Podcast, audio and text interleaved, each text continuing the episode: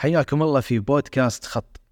البودكاست الذي يتجاوز الخطوط التقليدية للحوار والنقاش.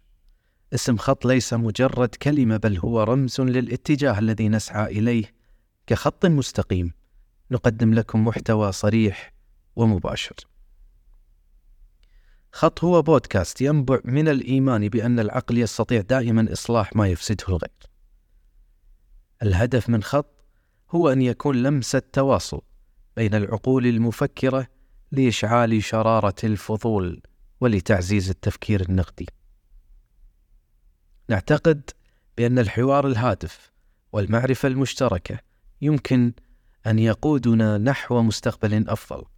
نهدف إلى خلق منصة تجمع بين الأفكار والتجارب المتنوعة، حيث يكون كل ضيف لدينا مهم ومؤثر بطريقته الخاصة.